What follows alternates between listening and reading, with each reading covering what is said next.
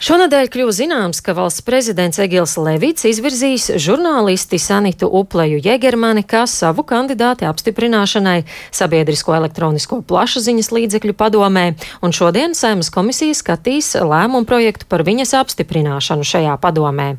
Nevalstiskās organizācijas un ministru kabineta sadarbības memoranda īstenošanas padome virza Jānis Iksni kā kandidātu, bet no Saimas tiek virzīts Nepulpē loceklis Jānis Eglītis šīs padomas sastāvā jābūt trim locekļiem, kurus apstiprinās saima, un šobrīd šie trīs kandidāti ir atrasti. Cik tie būs spējīgi un piemēroti darbam šajā padomē, vaicāšu Rīgas Stradiņu universitātes profesorei, komunikācijas fakultātes dekānei Andai Rožukalnei. Labrīt! Labrīt! Vispirms, ko var secināt par visu šo kandidātu pieteikšanās, uzrunāšanas un izraudzīšanās procesu? Jā, šoreiz atšķirībā no vairākām citām reizēm tiešām ļoti mierīgs un varētu teikt tāds aizkulišu process, kurā meklējumiem ir ilgs laiks bijis. Un, nu, tagad ir paziņoti visi kandidāti. Es domāju, ka tas, ir, ka tas ir ļoti labi, ka esam to sagaidījuši. Kā vērtēt šos kandidātus? Ko no šiem cilvēkiem varam sagaidīt? Vēl jau apstiprināti viņi nav. Nu, es domāju, ka visiem kandidātiem ir kopīgs, eh, kopīgs kaut kas tāds, kas var noņemt agrākās bažas, īstenībā iemeslu, kādēļ padome ir veidota. Pirmkārt, ne par vienu no izvirzītajiem kandidātiem mēs nevaram runāt kā par tādu, kura darbība iepriekšējā vai kādas intereses varētu būt apdraudētu sabiedrisko mediju neatkarību.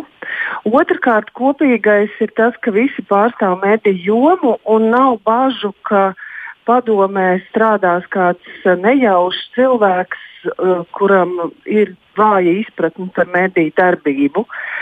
Tās ir tādas kopīgās pazīmes par to, kā, kā viņi tiks galā ar eh, daudzajiem uzdevumiem, kas pirmkārt ir apvienot abus sabiedriskos mēdījus, un otrkārt izstrādāt mūsdienīgu finansēšanas sistēmu ir ļoti grūti pateikt, jo faktiski darbības pieredze, kur varētu spriest, kur cilvēks ir kaut ko pa panācis, sasniedzis sabiedrisko mediju jomā, vienīgais eh, no pa, uh, pašreizējiem kandidātiem šādu pieredzi spēja parādīt Jānis Siksnis. Pārējie kolēģi ir darbojušies žurnālistikā, Jānis Eglīts um, salīdzinoši neilgu laiku esošajā neplu padomē.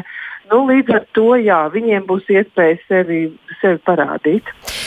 Jūsu jau pieminētie uzdevumi tiešām ir ļoti lieli un uh, ļoti atbildīgi un ne no vieglajiem, proti sabiedrisko mediju apvienošana, mūsdienīgu finanšu sistēmas izstrāde.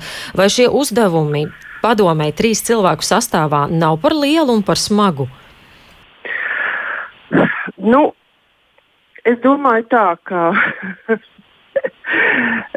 Jā, e, e, ja, es domāju, ka, vi, ka šie cilvēki noteikti tiks galā. Nu, viņi nestrādās vieni, viņiem būs birojas, viņi piesaistīs arī citus cilvēkus. Turklāt daļa no šiem uzdevumiem, daļa darbu, tādas sagatavošanas, pārskats, izpētes darbi jau ir veikti.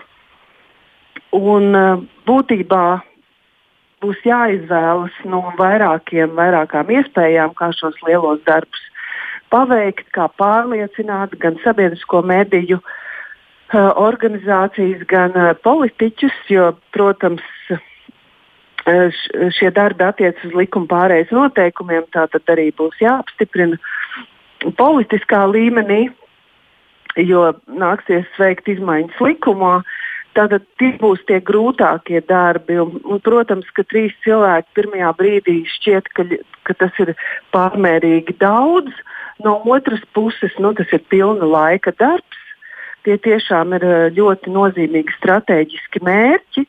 Un, eh, jā, šiem cilvēkiem, kā pirmās padomes iespējamiem locekļiem, uh, vi, nu, viņiem būs tāds celmlauža darbs un tāds darbs, kurā viņi definēs, cik, cik liela jēga būs bijusi vispār šādas padomas izveidošanai.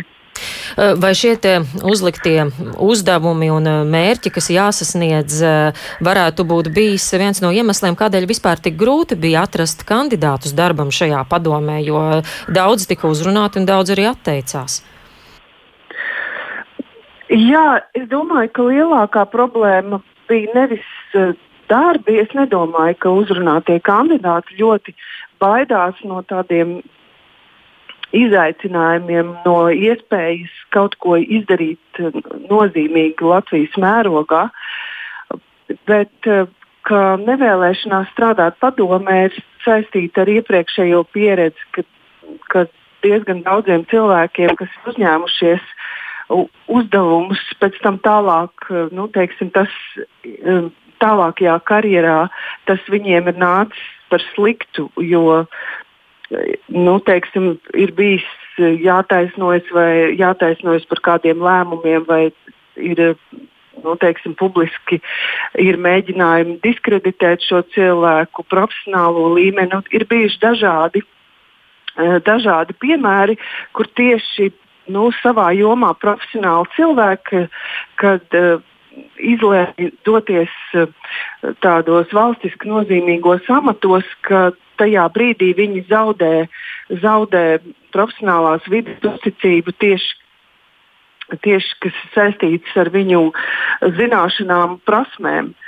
Tikai tāpēc, ka ir bijusi saistība ar nu, tādu iespējamu arī politiski ietekmējumiem amatiem. Jā, jā, bet nu, šobrīd jā. ir šie trīs kandidāti. Vai saimā būs vēl diskusijas par viņiem, vai politiķi jau lielā mērā tomēr ir vienojušies?